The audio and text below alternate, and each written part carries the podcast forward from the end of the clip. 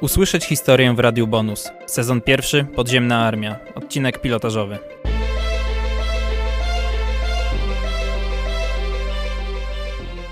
Imię i nazwisko. Jerzy Pertkiewicz, Pseudonim. Drzazga, Data i miejsce urodzenia. 25 lutego 1920 roku, Czortków, Przydział. 29 Pułk Strzelców Kaniowskich, następnie Batalion Armii Krajowej, Barbara, Stopień w czasie wojny. Plutonowy, Stopień obecnie. pułkownik, Walczył. w bitwie nad Bzurą, w rejonie dworca Sierpów i w obronie Warszawy, w czasie konspiracji również w bitwie pod Jamną, Przed wojną.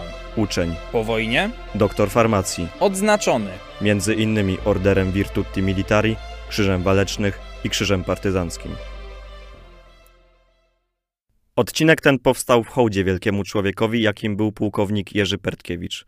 Był, bo niestety nie dożył publikacji tej audycji, zmarł 30 czerwca 2018 roku. Wszystkie wypowiedzi użyte w tym wyjątkowym odcinku są materiałami archiwalnymi, powstałymi przy tworzeniu filmu Zorza Wolności, który jest dostępny w serwisie YouTube. Serdecznie zachęcamy do obejrzenia. Nie przedłużając, zapraszamy do wysłuchania wspomnień świętej pamięci pułkownika Jerzego Pertkiewicza.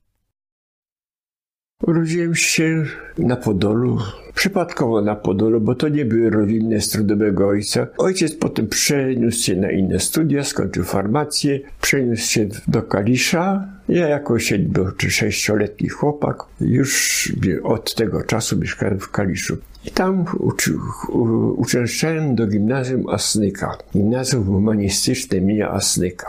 W czasie pobytu w gimnazjum moją pasją było harcerstwo. Zapisałem się do harcerstwa będąc w drugiej klasie gimnazjalnej i harcerstwo dało mi taki moralny kręgosłup i przyczyny harcerskie, które posiada swoje treści. Zobowiązanie służby Bogu, ojczyźnie i człowiekowi było drugim, takim drogowskazem dla mnie w późniejszym postępowaniu. Mama znowu wpajała Mickiewiczowskie miej serce i patrzaj w serce. O tym, jak, to, jaka, jak ważna ta dewiza, to przydała się potem w moim długim życiu. Skończył się, skończyłem gimnazjum, to był 38 rok. I na pożegnalnym komersie pomaturalnym przyszedł dowódca dywizji Kaliski razem z swoim adiutantem na, nasz, na nasze to przyjęcie. I zwrócił, adiutant zwrócił się do nas w ten sposób. Mówi, panowie, zdaliście maturę, możecie iść na studia, ale Polska jest w potrzebie. Jeśli ktoś rozumie potrzeby chwili, niech się zgłosi do szkoły podchorążych na ochotnika. Warunkiem jest skończenie 18 lat. I właśnie z naszej klasy wszyscy, którzy mieli 18 lat, zgłosili się do e, służby wojskowej. No i zostaliśmy przyjęci do Szkoły Podchorążych Rezerwy Piechoty w Szczypiornie koło Kalisza. Po niecałym roku szkolenia kurs podchorążych zakończył się egzaminem i od tego, jakim, jak poszedł egzamin praktyczny i teoretyczny, od sposobu umiejętności dowodzenia plutonem w polu, otrzymało się końcowy stopień kapralu lub podchorążego. Ja otrzymałem stopień podchorążego. Po podróży tydzień przerwy, urlop, potem mobilizacja.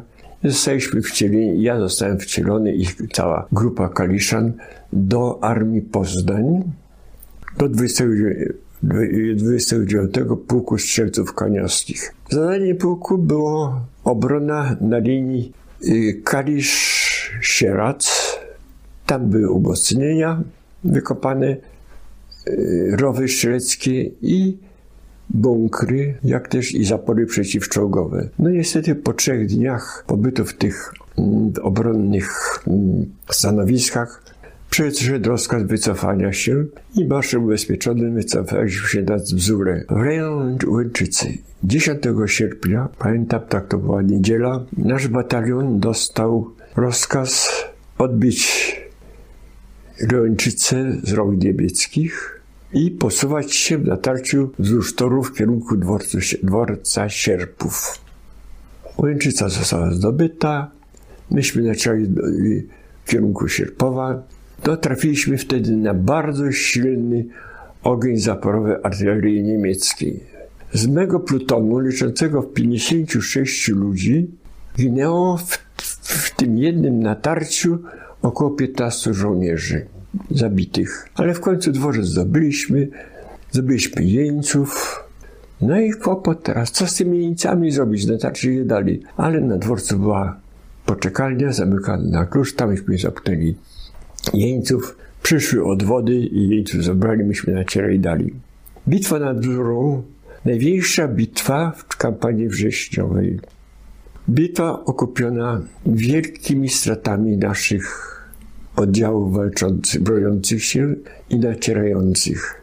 Wyczerpująca fizycznie, psychicznie i nerwowo.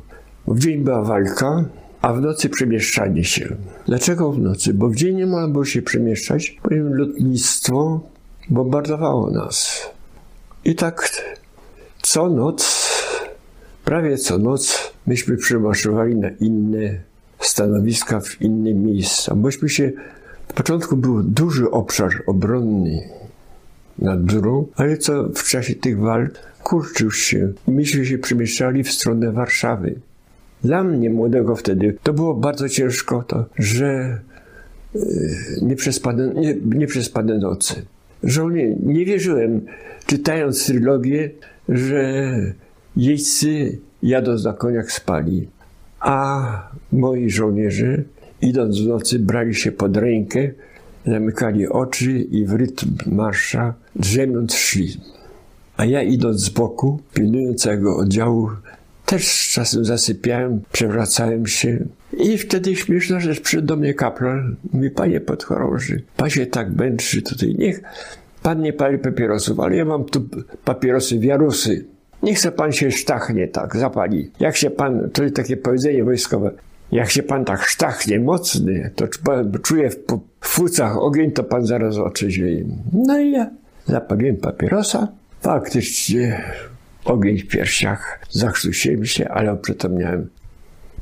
Jeden papieros, drugi. Następna noc znowu i trzecia. I tak się nauczyłem wtedy palić papierosy. Porzuciłem palenie potem po wojnie.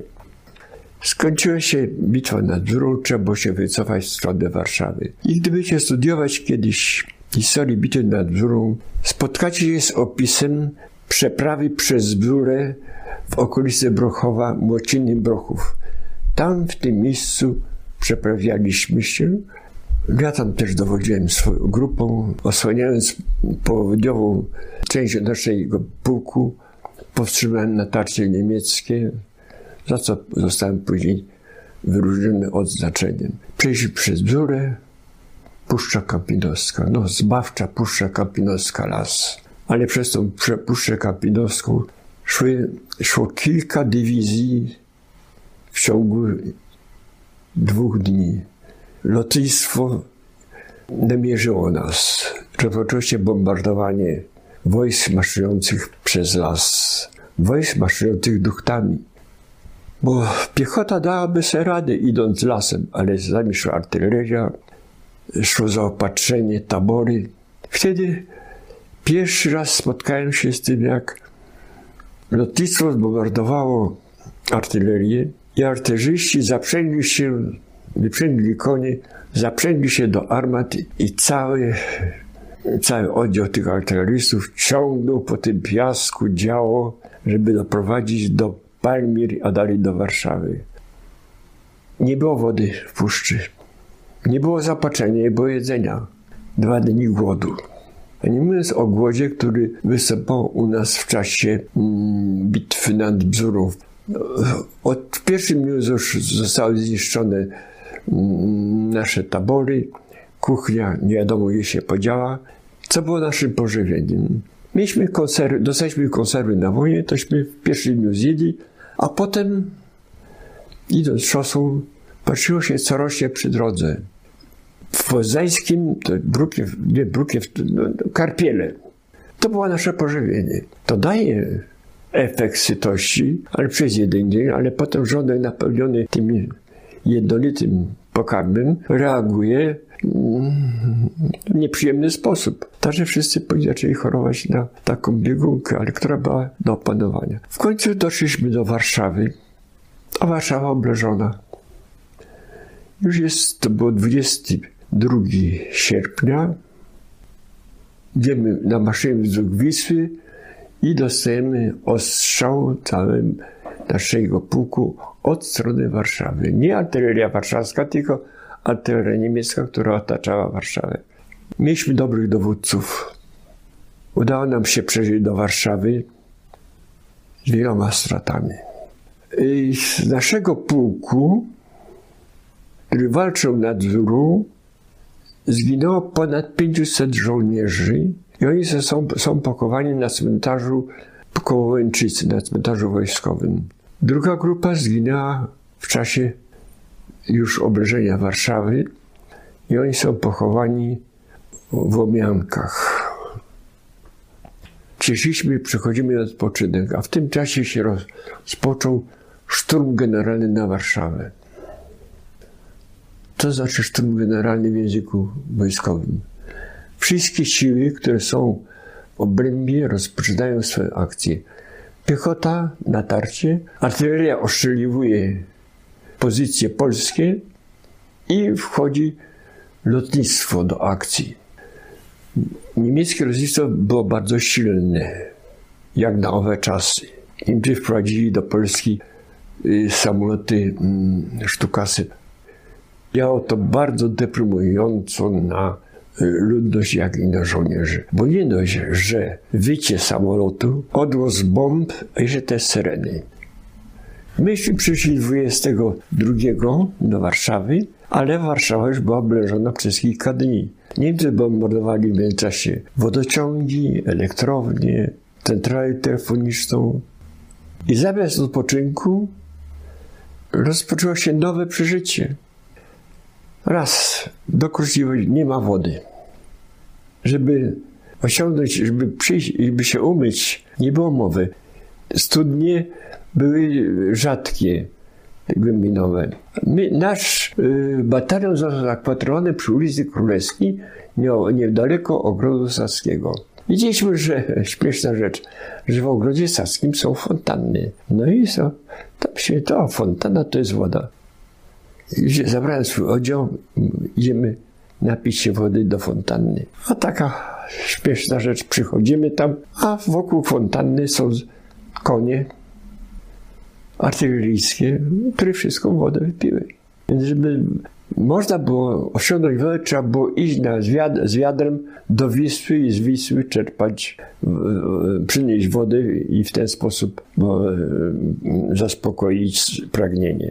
Inna kwestia to była, był też brak żywności. Swojej kuchni nie mieliśmy, więc czy kupić trudno było, ale Wtedy ludność Warszawy wykazała wspaniałą postawę. Widzieli stojących się żołnierzy głodnych, wychodzili z domów, dawali żołnierzom, co kto miał, jakąś bułkę, upieczony w domu chleb, czy jakąś żywność. I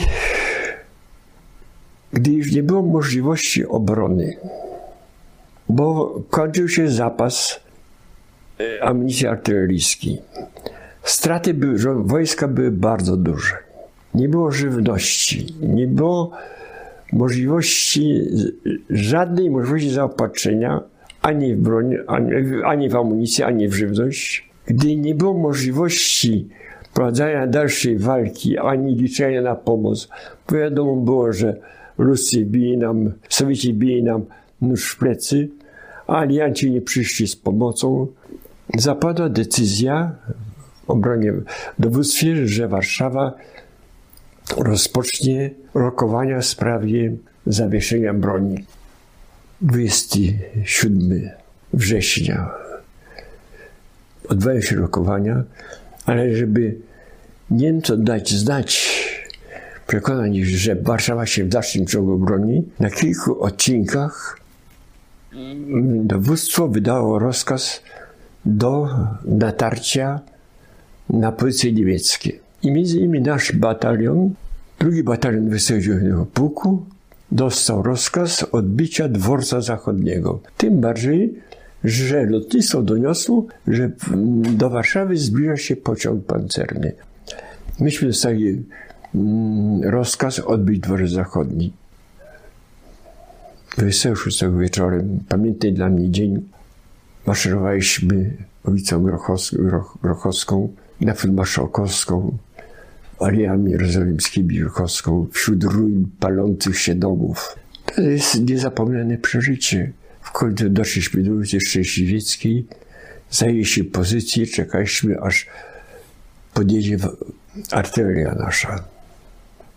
Nasza artyleria zjęła stanowiska, zaczęła oczyszczać przedpole, ale po kilku minutach zamilkła. Zabrakło amunicji już, bo to już był ostatni dzień walki. Myśmy dostali na rozkaz natarcia. Dworzec zachodni odbiliśmy i tak się dalej się posuwa. Jakoś tak dziwnie nacieramy, Niemcy nie strzeliły nas. Idziemy tyralierą i w pewnym momencie zaczyna się dla nas tragiczna walka. Z domu przy ulicy Szczęśliwieckiej Niemcy otwierają ogień z karbinów maszynowych, a artyleria niemiecka strzela do nas z wcześniej upatrzonych już pozycji. Nas nacierało około 600 i w ciągu tej walki 400 żołnierzy zostało wyeliminowanych. Ja wtedy przeżyłem takie najtragiczniejsze może w moim tym wojennym życiu chwile, bo dostaliśmy się pod ten ogień artyleryjski z, z boku i z przodu karabiny maszynowe. Naprzód nade mną wybucha szrapnel, przebija mi hełm, dzięki temu, że miałem hełm, ześlizguje się po czaszce tutaj, utkwił mi w ramieniu. Drugi pocisk tkwił mi tutaj na opadce. Miałem tu ucho przecięte. Tak leżę sobie na brzuchu, bo okopać się nie da, twarda ziemia, a potem nie można podnieść głowy, bo strzelają. Ja leżę na, na a tu wokół mnie kałuża krwi. Bo się leje ze mnie wszędzie krew. Tak się patrzę na tą krew, podnoszę oczy do góry, a to wszystko widzę na czerwono. Bo to, to, to nazywa się powidok, tak. Każdy żołnierz przy mundurze miał taką kieszonkę tutaj z boku i patrunek, opatrunek osobisty. Wziąłem ten patrunek, wziąłem założyłem sobie tutaj na y, krwające miejsca opatrunek i w pewnym momencie po linii dostaję rozkaz ubezpieczyć prawe skrzydło, bo Niemcy nacierają z prawej strony. I ja jak tak się podniosłem, w sensie chciałem powiedzieć, powtórzyć rozkaz, w tym czasie dostaję strzał, postrzał. Wchodzi mi pocisk tutaj, a wychodzi tędy. Ból straszny, tracę przytomność. Jak byłbym nieprzytomny, trudno powiedzieć. Nacieraliśmy o świcie, a ja się obudziłem po tym zimna już koło, dziś koło godzin południowych. Wokół mnie mnóstwo poległych. Mój kapel, obserwator obok mnie leży. Z prawej strony znowu żołnierze. I cisza. A to już było zawieszenie broni. Ale co to znaczy młody organizm? Nie miałem 19 lat. Mimo upływu krwi podniosłem się, wziąłem broń, zbliżyłem się do dworca zachodniego, trapałem się na nasyp. Jak się schodzi do tunelu, po schodkach widzę tam są żołnierze z naszej kompanii. Zobaczyłem, zrobiłem stopień, y, z nogą szedłem jeden stopień, zawirowało mi w głowie, stoczyłem się. Zmieścić się mną zaopiekowali nasi moi żołnierze, zmienili to opatrunek, a ja się trzęsę z zimna, bo jak po, na skutek upływu krwi przewodnictwo jest ciepłe, jest inne w organizmie. Pić wody. Dają mi pić, a ja mam przeszczony przełyk. Chcę poknąć, zacząłem się krztusić, dusić i wymioty krwią. Zrobiło mi się tak zimno, że zacząłem się cały Pamiętam, jak mi się ręce trzęsły wtedy. No więc nie wiem skąd jakoś to wykombinowali, jakieś koce położyli na tym betonie, mnie przykryli jeszcze kocami. No ja wtedy zasnąłem. I teraz śmieszne będzie taka rzecz. Spałem, budzę się, ciemno. Pamiętam, były koce czy coś, na których leżałem. Jestem przykryty tylko płaszczem i to z głową. Leżę na betonie. Patrzę z le- lewej strony, leżałem na znak. Człowiek leży zimny. Z prawej strony ściana. I ubzorałem się. Pewno mnie żywcem pochowali w grobowcu. Tak się podniosłem, ale jak jest ten tunel na dworcu, widzę jakieś migające światło. Chcę krzyknąć, ale nie mogę, nie mogę, nie mam głosu. Szeptem tylko mogę tak mówić. Ale obok leżący żołnierz miał saperkę przytroconą. Odtroczyłem tą, odpiąłem saperkę i zacząłem walić w mur. Obok mnie, tak? Bo to był koniec tunelu, mnie tak położyli tam. Będący po drugiej stronie, tam dalej, ludzie, po, widzę migające światło pośduli. I przychodzą, zbliżają się do mnie. Ja podnoszę się, oni mówią, o, wśród tych zabitych jest ranny. Co ja do nich powiedziałem? Nie pamiętam. Co oni mówili do mnie? Nie pamiętam. Ale oni odeszli. Ja wtedy spaczony myślę, zostawili mnie znowu. Po pewnym czasie oni wracają. I przynieśli takie skrzydło drzwi, jak tu jest. Położyli na tych, bo nie ma noszy. Położyli na, na tych drzwiach i zanieśli na opatrunkowy. A stamtąd dostałem się do szpitala polowego w Warszawie, do szpitala józefskiego. Ale leżałem na sali oficerskiej. A w myśl y, tych warunków kapitulacji oficerowie szli do niewoli. Mnie jako podróżnego, wiem dlaczego, zakwalifikowali na salę oficerską zamiast na salę podoficerską, bo myśmy, ja miałem sobie plutonowy podchorąży, to jest podoficer, nie jest oficer. I ja już doszedłem, po, po miesiącu doszedłem już do tego stanu, że mogę wstawać, chodzić. Przychodzi ordynator, panowie, Niemcy opróżniają pa, siódmy pawilon. Dziś wywieźli kilka sal, oficerów wszystkich, załadowali na samochody, wywieźli. Nie wiadomo w jakim kierunku. Kto może, niech ucieka. Damy lewe papiery. Tylko konsternacja, co robić? Było dwóch oficerów z Ostrowa Wielkopolskiego, którzy się zgłosili, że oni uciekną. To ja mówię, to ja za mnie uciekam, ale ja nie mam tyle siły, to nie się pan nie martwi, pana podprowadzimy. Dostaliśmy lewe zwolnienia i oni mnie wyprowadzili z tego szpitala. W nocy, już nie pamiętam jaką to drogą było, doszliśmy na dworzec, na podstawie zwolnienia z lewego ze szpitala, mieliśmy prawo przejazdu pociągiem. Przyjeżdżamy do Kalisza, pociąg się zatrzymuje, ja wysiadam z pociągu, ale patrzę, coż to tyle żołnierzy jest na pociągu, na peronie, w polskich mundurach, w płaszczach. A to przyprowadzili jeńców i ładowali do tego pociągu, który przyjechał teraz. Ja chcę wyjść, a mnie do tego pociągu ładują, do jeńców. Pytam się, co to jest? A oni, no to do niewoli nas biorą. Ja wy, wyciągam to, lewe zwolnienie, idę do, jak, tam był jakiś, nie pamiętam w jakim stopniu starszy yy, Niemiec, pokazuję mu, że ja jestem yy, inwalidą wojennym ze szpitala.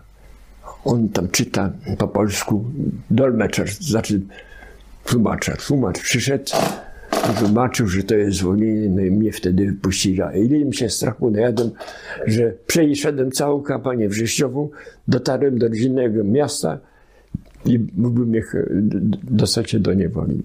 Tak zakończyła się kampania wrześniowa dla naszego bohatera. Drodzy słuchacze, to już wszystko w dzisiejszym odcinku.